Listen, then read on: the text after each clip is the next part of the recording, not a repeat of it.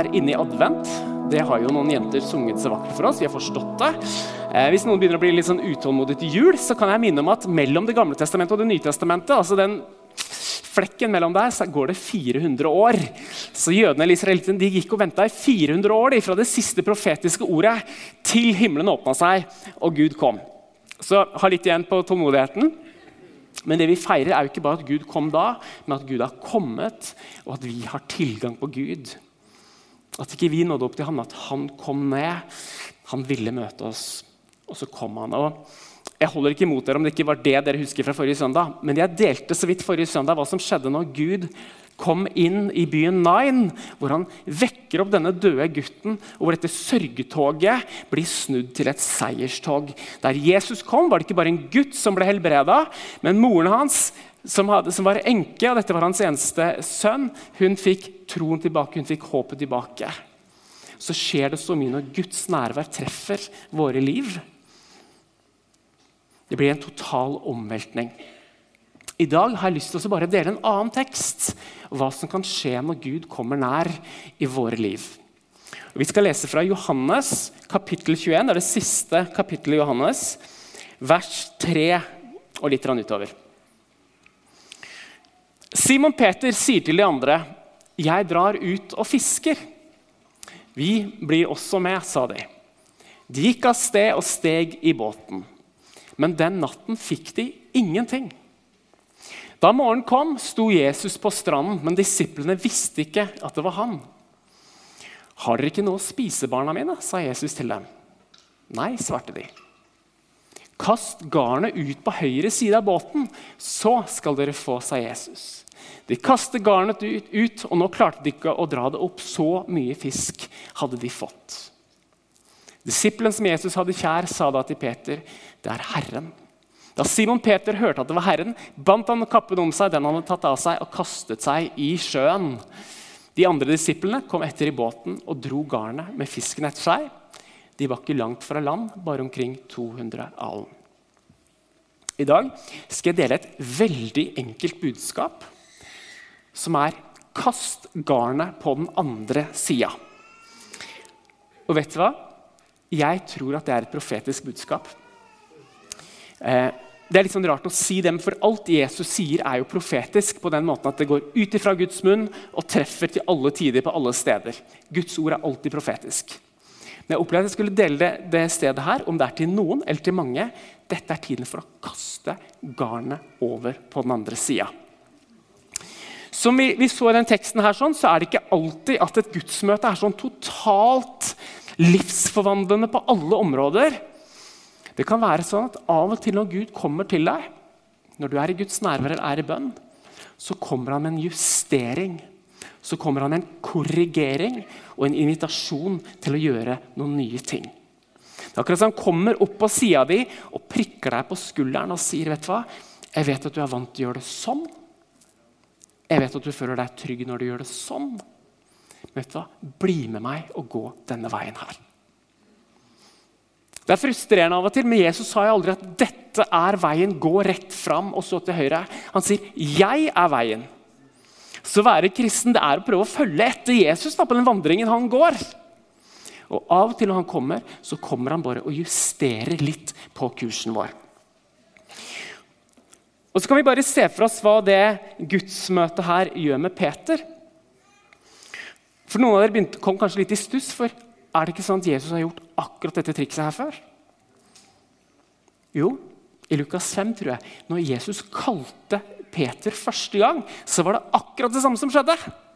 Det kom så mye fisk, han måtte ha hjelp av en annen båt for å komme, få all fisken i land. Og Peter i ærefrykt går på kne, ellevilt begeistra og glad. Og når Jesus kaller han til disippel, så er han mer enn klar til å begynne å gå med Jesus. Og nå skjer det her akkurat det samme en gang til. Det er akkurat som Gud bare ønsker å minne Peter om det her er vår greie. Akkurat som jeg kalte deg disippel, så kaller jeg deg nå til å følge meg videre. Nå ligger det et nytt kall foran ham til å være lederen i kirka. Men så har det skjedd så mange ting. Peter har blitt visere, han har blitt klokere, han har sett flere ting, men han har også svikta. Han har også opplevd at dette livet med Jesus ble så annerledes enn det han hadde tenkt. Og Nå er han i en tid hvor han kanskje reflekterer over alt som ikke ble som han hadde tenkt. Kanskje reflekterer han over at hans karakter ikke hadde blitt helt som han hadde tenkt. Og så vet vi ikke, men Kanskje er det sånn at han går i båten for å fiske. At han går fra en plan A til en plan B. At livet hvor jeg lever i avhengighet av Gud, livet hvor det å følge Jesus er fokus vet du, Nå går jeg over til en tid hvor jeg i hvert fall forsørger meg sjøl. Hvor jeg hvert fall går tilbake til noe av det jeg kan, hvor jeg kan søke trygghet.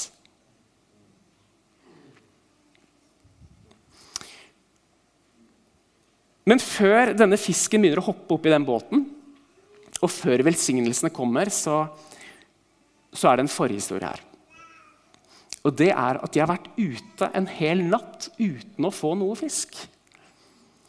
Og Peter var fisker. Det var livsgrunnlaget han tidligere. Han lærte sikkert å fiske som helt ung. Han kjente Genesaretsjøen ut og inn, han kunne tolke vær og vind, men han får ingenting. Og Det er ikke en svipptur, det er en natt, time etter time i mørket. Helt sikkert er det kaldt også. Og så kommer han tomhendt hjem. Han gjør ikke noe galt, han gjør det han alltid har gjort. Men uten resultat. Kanskje er det noen i salen som kan kjenne seg igjen. Forsøker å gjøre alt rett. Er trofast i det man holder på med. Men det virker som det ikke kommer noe resultat. Du jobber og strever. Så kommer det ikke noe resultat. Du går på dater, du søker jobber. Du er trofast. Eller kanskje ditt egen kristenliv. Liksom du, du, har kjøpt deg sånn bibelleseplan, du har begynt å abonnere på dagen, du har gjort det du kan. Og så løsner det liksom ikke helt.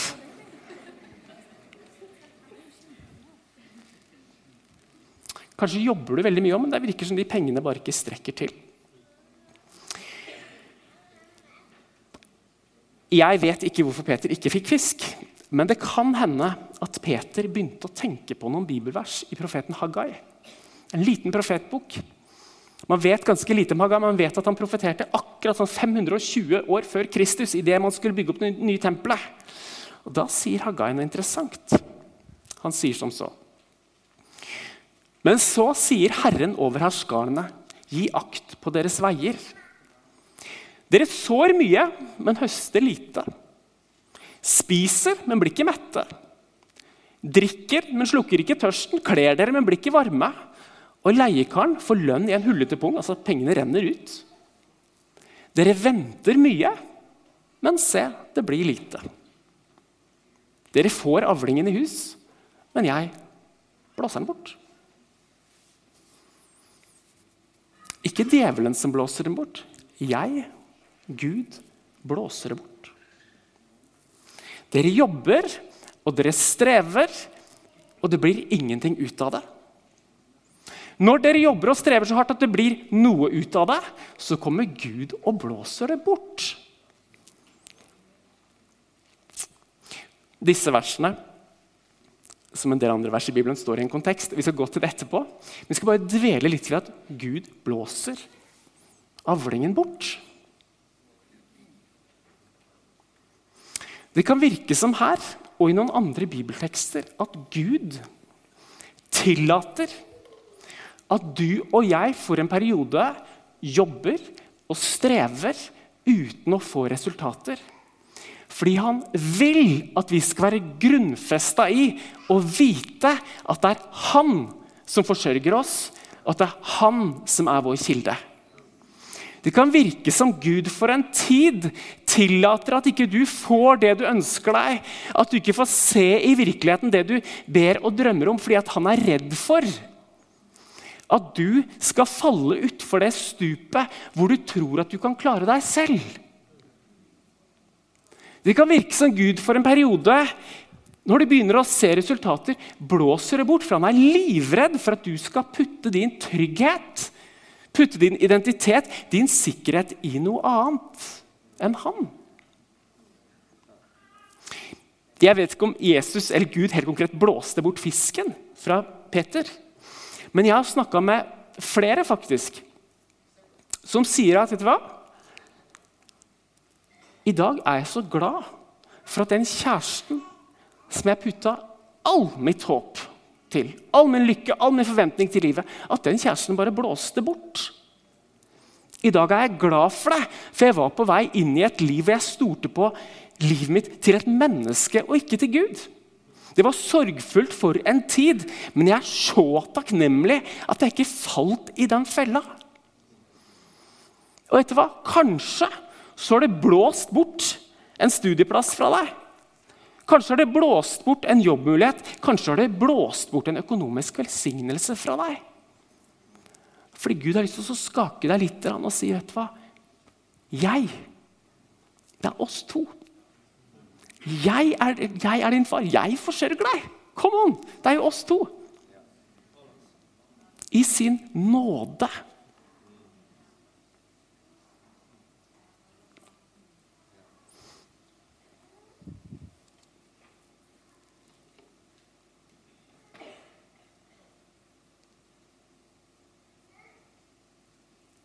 Jeg er så uvant til å bruke notat, vet du. Kom det?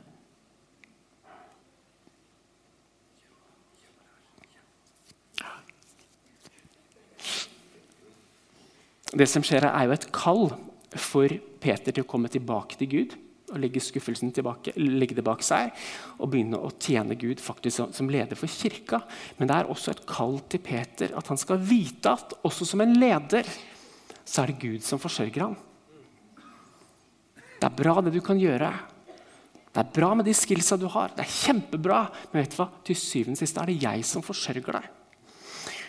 Og vet du hva? I kirken vår så elsker vi å snakke om vekkelse. Vi drømmer om å se en ny tid i landet vårt. Vi ønsker å være modig og frimodig. Og så snakker vi om den første kirke. Altså kan vi tenke på tegn og under, kraft, hellig liv. Men vet du hva? Noe som gjenkjente dem, det var at de visste at det var Gud som forsørga dem. Så vet du, De delte av det de hadde. Og vet du hva, Vi begynte å be litt rundt det her i lederteamet forrige uke. og vi kjente at vet du hva? Når vi begynte å ba om det med økonomi. så er det sånn, vet du hva? Gud, du må frelse lommeboka vår. Tenk om Gud i tillegg til kraft, i tillegg til tilbedelse, kunne reise på en generasjon som er et, sånt, et profetisk motstykke. Som ikke ikke går inn i materialisme med livet sitt. Hadde ikke det vært fantastisk? Som er grunnfesta i at det er Gud som er min forsørger. Det, det drømmer jeg om. Så må jeg, må litt sånn ærlig og se hvordan, hvor, var det der, hvor var det det her verset fra Haggai egentlig dukka opp hen. Eh, og det som er at Haggai kommer med disse ordene til Israel idet de skal bygge opp det nye tempelet. Det er store ting på gang. Gud ønsker å få på et sted hvor han kan møte menneskene ansikt til ansikt og hjerte til hjerte. Han ønsker å møte sitt folk, han ønsker å mønstre sitt folk. Det er voldsomme ting som skjer. Men mens tempelet ligger nede, mens Guds rike ligger i uriner, så er alle bare opptatt av å bygge sine egne hus. For noen typer. Sånn her står det. Er det tid for dere å bo i bordkledde hus så lenge dette huset ligger i ruiner. Så sier Herren over herskarene, gi akt på deres veier. Dra opp i fjellet og hent tømmer. Bygg huset, så vil jeg ha glede i det og bli æra, sier Herren. Kom dere opp i fjellet og hent tømmer. Hva er det det handler om? Jo, kom dere opp og bidra litt. Vi skal bygge et tempel. Hent litt tømmer. Få prioriteringene i rett rekkefølge. Vet du hva? Gud han har ting på gang. Kast dere med, så skal jeg ha glede i det, sier Gud. Vet du hva? Jeg kjenner på at Jesus forsterker det Hagai sier når han sier vet du hva? Søk først mitt rike, så skal dere få alt det andre i tillegg. Ikke i motsatt rekkefølge. Søk alt det andre. Se om vi får med litt Gud til slutten her. Søk først Guds rike, så skal du få alt det andre i tillegg. Vet du hva? Jeg vet at i denne forsamlingen her sånn, så er det veldig mange som akkurat i den alderen dere er, søker. Vi søker på studier, vi søker jobb. Vi søker en å leve livet vårt sammen med. Vi søker et sted å bo. Og vet du hva? Jeg er tilhenger av utdannelse. Følg med på Finn, gjør noen, gjør noen gode kjøp. Eh, utdann dere, få dere kjæreste, alle disse tingene. Men gjør det i en rekkefølge av å søke Gud først. Det er ikke så ofte jeg deler sånne ting, men jeg kjørte bilen vår inn i oppkjørselen vår her om dagen, og så kjente jeg på sånn dyp takknemlighet for at Anita og jeg vi har alltid levd på litt sånn organisasjonslønner, ikke voldsomme lønninger. Eh, jeg at Vi bor i et hus eh, i Oslo. Den, Det huset det fikk vi litt sånn av omveier. for at Både jeg og Anita vi er opptatt med det vi opplevde Gud sa vi skulle gjøre. sånn Og sånn. Og så er det noen andre som skal kjøpe en tomt på Nordstrand. Som er i gang med å skal kjøpe den tomta, men så kommer Gud og sier denne tomta tilhører ikke deg, du skal gi den til Rashistan Anita. Så Vi ble ringt opp av en som hadde lyst på den tomta, men hun sier jeg har en tomt til deg. Eh, og så hadde vi råd til å kjøpe tomta, og så hjelper han oss med en modell som gjør at vi kan leie ut litt hus og så få bygd et hus. Så når jeg kjører ned, tenker jeg det her har Gud gitt oss. Og så sitter jeg i en bil. Bilen var konka. Og noen mennesker i engleskikkelse kom og hjalp oss med å få kjøpt ny bil. Og Ved siden av meg så sitter Anita, den største velsignelsen i mitt liv. Og vi møtte møtte hverandre også mens vi hadde fokus på å tjene Gud. Vi ville gå på den veien Gud hadde for oss. Vi ville leve for deg, Gud. Og så møttes våre veier. Jeg sier ikke at det alltid er sånn, og sier ikke at det alltid er så lett, men Gud sier at hvis vi søker Hans rike først, så vil Han gi oss alt det andre i tillegg. Jeg har bare lyst til å utfordre deg til å teste Gud på det. Vi må teste han. Test hans ord. Stå på, stå på hans ord. Skal vi se mm.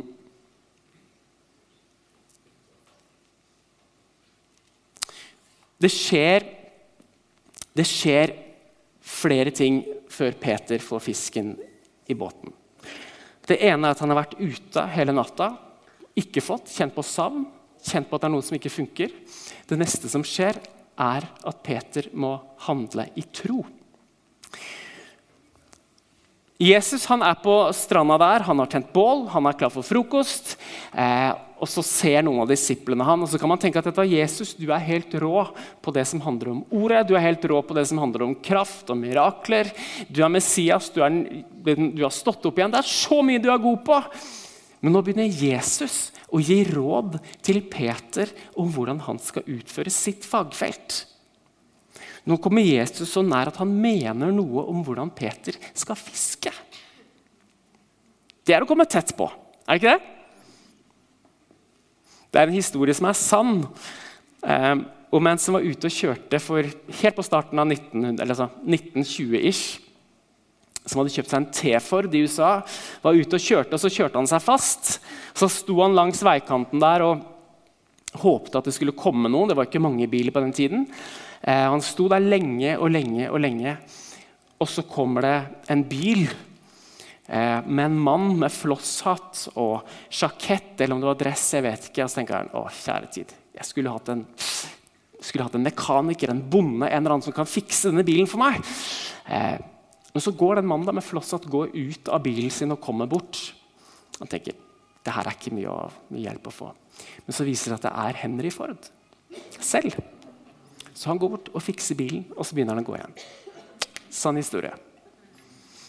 Av og til kan vi tenke at dette var Gud, det er mye du er god på, men akkurat mitt liv, mitt følelsesliv, mine behov, mine savn, der er kanskje ikke du den som har de beste rådene. Men kanskje er han det. Han har vært menneske, han vet hva vi går igjennom. Peter måtte handle, i tro. Gud ville velsigne ham. Gud hadde ressursene til å velsigne ham, hadde hjertet til å velsigne ham. Men hvis Peter ikke hadde handla i tro, så hadde det ikke blitt noe frokost den dagen. Av og til kan Gud bare helle velsignelse over deg. Helt selvstendig. Helt, han kan gjøre akkurat som han vil. Men veldig ofte så innbyr Gud, når han skal velsigne mennesker, til et samspill. Har jeg tenkt på det? Når de skulle mette de 5000, for eksempel, han begynner å gi brød, så sier han til disiplene at dere skal gå ut og begynne å dele ut. Det er ikke sånn at han laga en vanvittig matdunk, og så gikk de og henta. Nei, det var mens de gikk og ga. Han ville ha med de på å gi. Eller når mennesker skulle bli helbreda. Sånn, dere legger hendene på de syke. Jeg står i et hjørne her borte. Hvis dette skal skje, så må dere handle i tro. Legge hendene på de syke. Og sånn ble mennesker helbreda. Han sa til den lamme mannen nå skal du reise deg og gå. Vet du hva? Ikke at jeg prøver å dra deg opp som en sekk. Nå skal du i tro skal du reise deg, og skal du få gå. Det er fantastisk. Det er nesten det er vanskelig å forstå det, men Gud vil ha oss med på det han gjør. Han kan gjøre det alene, men han vil ha oss med. Men hva er det som skal til da, for at jeg og du skal tørre å gå i tro? For at jeg og du skal tørre å kaste garn på andre sida? At vi skal tørre å gjøre nye framstøt i livet vårt? Hva skal til for å gå i tro? Det første som skal til, er at vi er trygge på at Gud elsker oss og vil oss det beste. Hvis vi er trygge på at han, vår far, vil oss det beste, og nå utfordrer han oss til å ta dette skrittet, da kan vi gjøre det. Men vi trenger også å kunne visualisere, ha en visjon for hvordan livet ser ut etter denne handlingen. Vi må se for oss livet etter det vi gjør.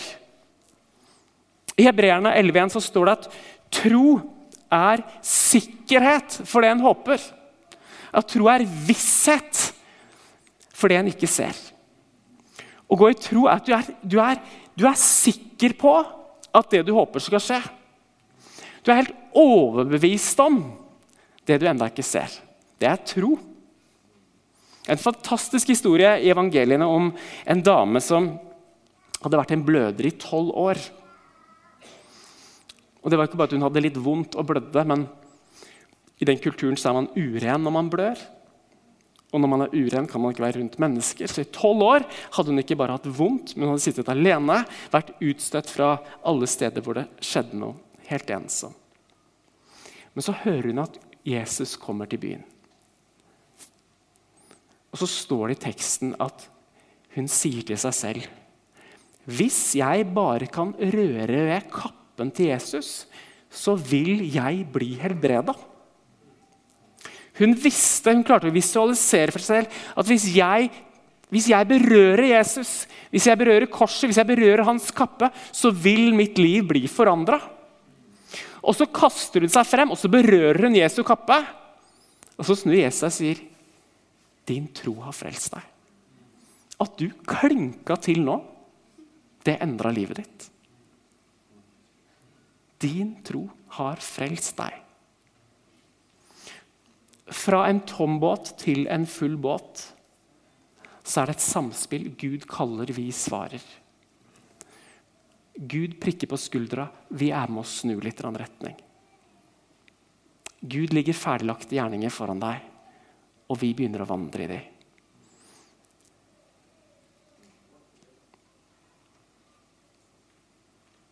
Skal jeg være veldig personlig? For, siden, for mange år siden så jobba jeg i Filadelfia i Oslo. Og så opplevde vi en tid av vi kan ikke si vekkelse, men en liksom voldsom oppvåkning. Eh, mange mennesker som ga livet sitt til Jesus på nytt. Masse lovsang. Vi starta et bønnehus. Det skjedde veldig veldig mange gode ting.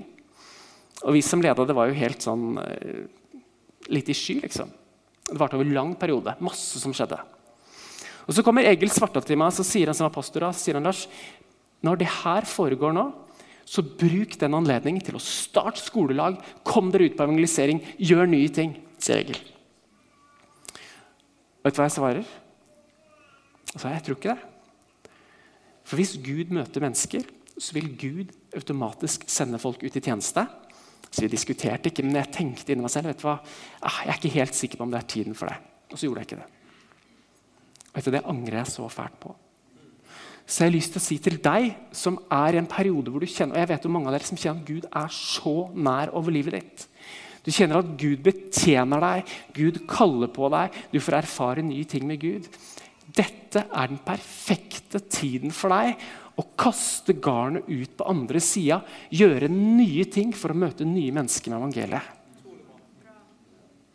Dette er ikke tiden for å sitte og vente til du en dag er klar.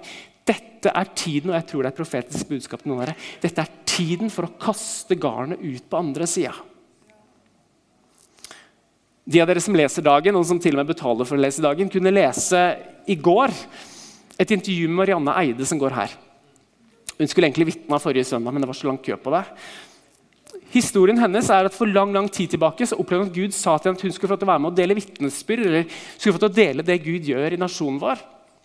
Og Så sitter hun på et møte her, og så kjenner hun Gud bare si vet du, du skal si opp jobben din. Og så skal du starte en podkast hvor du deler andre mennesker sitt vitnesbyrd. Du skal si opp den trygge jobben din, og så skal du begynne å lage podkast. Det er noen andre som driver og lager podkast. Det er ikke sånn 100% stilling income, i hvert fall. Men så gjør hun det i tro, og så får hun lov til å berøre så mange mennesker med evangeliet. Den som heter Skjalg Håvåg, som går hos oss. Jeg har ikke sett han i dag, men jeg får lov til å dele. Jeg har kjent han så jeg helt tilfeldig traff han på Jensens Bøthus i København for 15 år siden. Eh, ordentlig fin mann. Mange av dere vet hvem han er. 50-årsalderen. Han er leder for et stort selskap her i Oslo. Alltid pent kledd eh, satt år inn og år ut på en av de bakerste setene i en kirke. Og så viser Gud han at vet du hva? hvis dette kristne liv skal bli spennende, så begynte han å lese. Dere skal legge hendene på de syke. Dere skal dele evangeliet med andre. Dere skal døpe dem, dere skal be om at de blir fylt med Den hellige ånd. Tror dere ikke han begynner å gjøre det? Han reiser seg opp og bestemmer seg at hvis det er dette som står, så er det jo dette jeg skal gjøre. Og Denne anstendige mannen i 50-årsalderen som ikke er på møte akkurat i dag, hver lørdag så er han ute og ber for mennesker han møter på gata. Han legger hendene på de syke, han, han evangeliserer og vitner, og han har kommet til liv igjen. Det krever å ta et skritt i tro. Det kan kreve å kaste garn på andre sida. Gud vet hva du er trygg med, han vet hva du liker å gjøre. Men noen av oss hvisker han i øret. Vet du hva? Dette er tiden for å handle nytt. Veldig enkelt budskap. Jeg tror det var til noen av dere. Skal vi rett og slett reise oss opp? Og så skal vi ta ett minutt i stillhet. Skal vi tørre å spørre Gud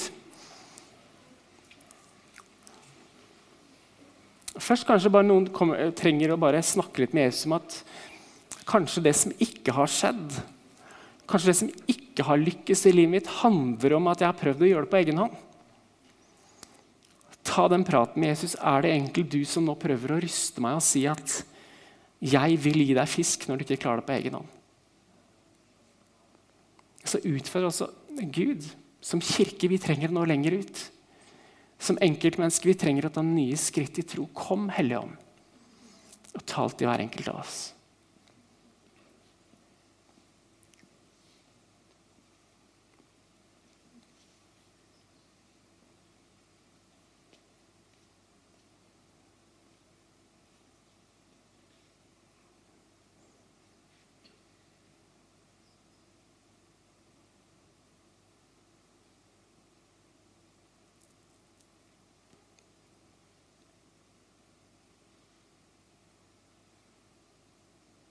Kanskje noen får noen ideer, eller blir minnet om noen ideer de egentlig har gått med over lang tid.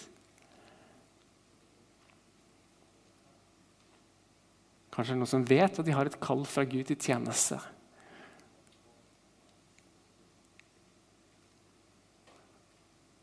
Noen som skal starte et skolelag, eller tørre å bli med i en mannsgruppe, eller tørre å gi økonomien sin til Gud.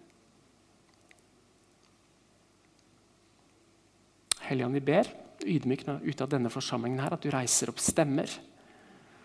At du reiser opp mennesker som kan få lov til å peke på deg med sine liv. Nye initiativ, Gud. Ikke bare denne kirka, men alle kirkene i Oslo by. Jesus. Reis opp nye ledere. Reis opp nye stemmer og nye tjenester. Vi ber deg om det i Jesu navn.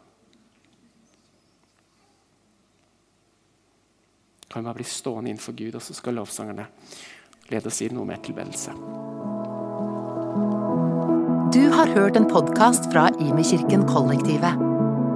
Følg oss gjerne i sosiale medier for inspirasjon i hverdagen.